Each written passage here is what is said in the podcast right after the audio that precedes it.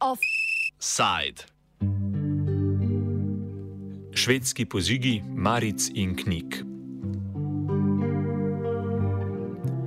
Na, svečkem, na švedskem, kako pak, že slab teden potekajo množični protesti proti zborovanjem švedskih skrajnih desničarjev in njihovemu napovedanemu sežiganju Korana. Protesti so se začeli, ko sta danska radikalna desničarska stranka Trdna linija in njen vodja, dansko-švedski pravnik Rasmus Paludan, poskusila organizirati javne shode, na katerih bi udeleženci zažgali muslimansko sveto knjigo Koran. Po prvotnih načrtih bi sežigi potekali v pretežno muslimanskih predeljih švedskih mest, kot so Göteborg, Norrköping in Malmö. Na načrte so se ostro odzvali lokalni prebivalci. Ti so se na ulicah spopadli švedsko policijo, ki javnih shodov ni prepovedala. Protestniki so začeli policiste in njihova vozila obmetavati s kamenjem in ponekod tudi z molotovkami. Policija je na agitacijo odgovorila z gumijastimi naboji in policijskimi psi. Po navedbah policije je bilo med uličnimi obračuni do zdaj lažje ranjenih okoli 40 ljudi, od tega kar 26 policistov.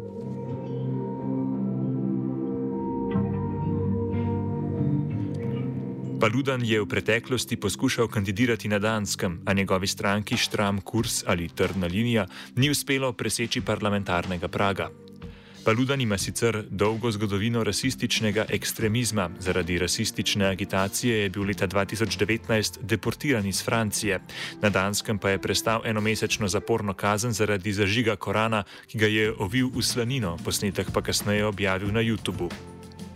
Paludanov vstop v švedsko politiko komentira profesor z področja kulture in družbe na univerzi v Linköpingu, Peo Hansen.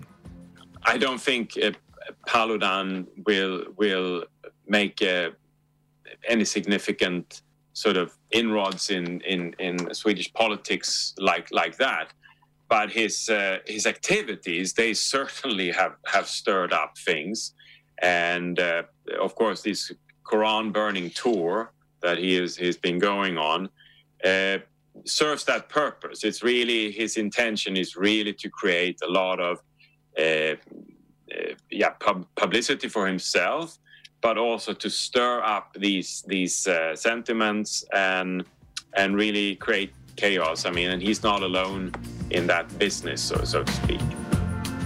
Načelnik švedske policijske uprave Anders Stornberg je na včerajšnji tiskovni konferenci dogajanje komentiral kot nekaj, kar je na švedskem popolnoma novo in protest označil za napad na švedsko policijo in državo. Proteste je obsodila tudi švedska vlada. Ministr za pravosodje in notranje zadeve Morgan Johansson pa je dejal, da se bo vlada na nje odzvala s trdo roko. Pri stopnevanju protestov je imela pomembno vlogo policija, ki je bila z najavo shodov že seznanjena, a se je pri njihovem obvladovanju pokazala za pasivno in neprofesionalno, meni Hansen.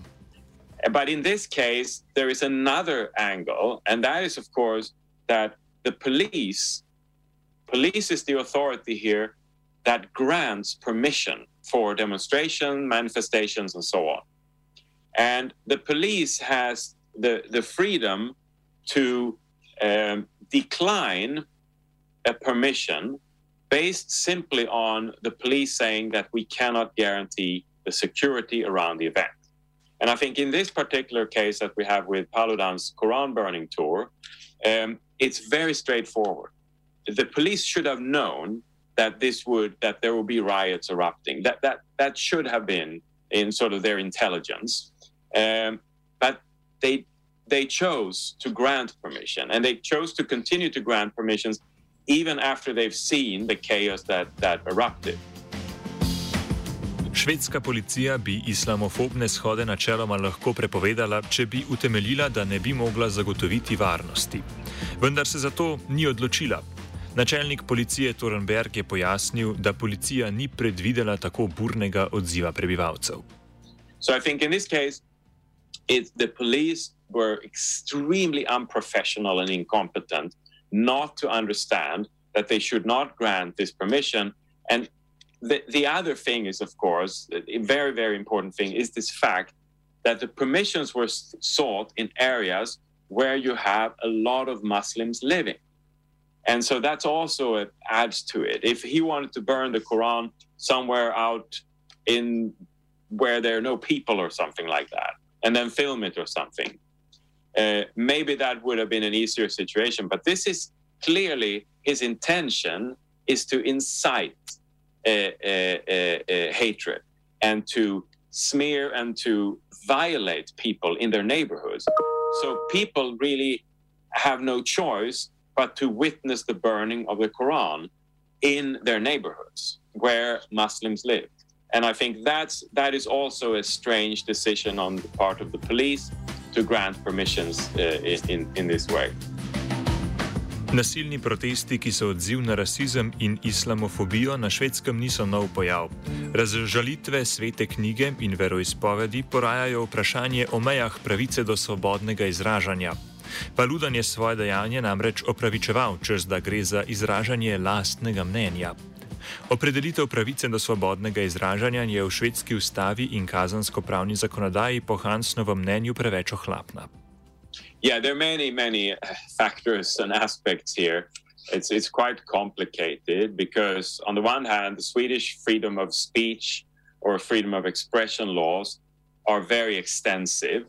Uh, and they do include blasphemy and, and that, that you can actually uh, violate people, that you can offend people. But on the on the other hand, we also have a law uh, uh, that that bans the incitement of racial hatred, so hate speech.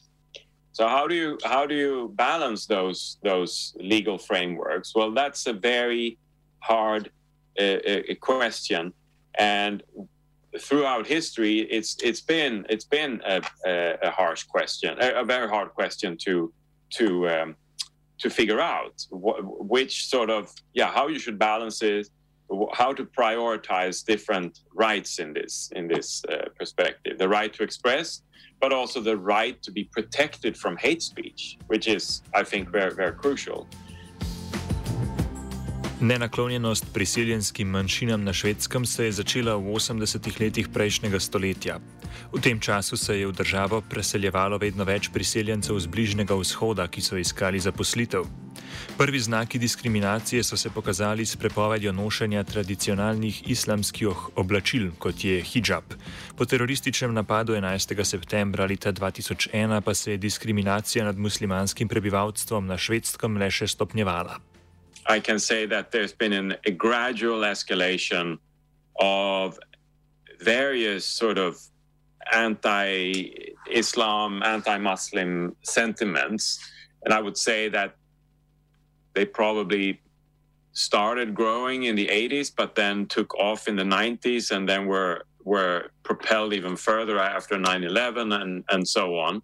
And they also walking, walking hand in hand with the sort of clash of civilization theories, uh, the, the, the, sort of global discourse around Islam and the West. The, that has, I think, also influenced the, sort of sentiment and opinion in, in Sweden.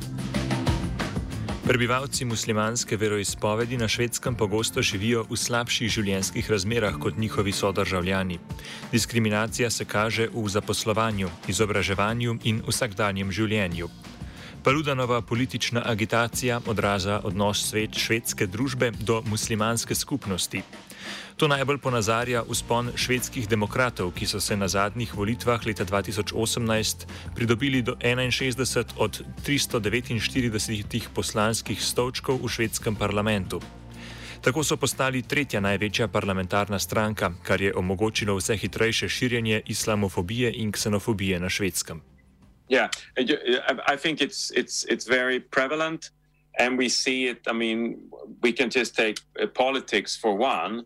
that uh, one of the largest parties, uh, the Sweden Democrat Party, uh, they basically have Islamophobia or anti-Muslim uh, sentiments as as their number one priority. That's really their their, their driving force, um, and so they have been instrumental, of course, in fueling the, the expansion of, of Islamophobia uh, in Sweden.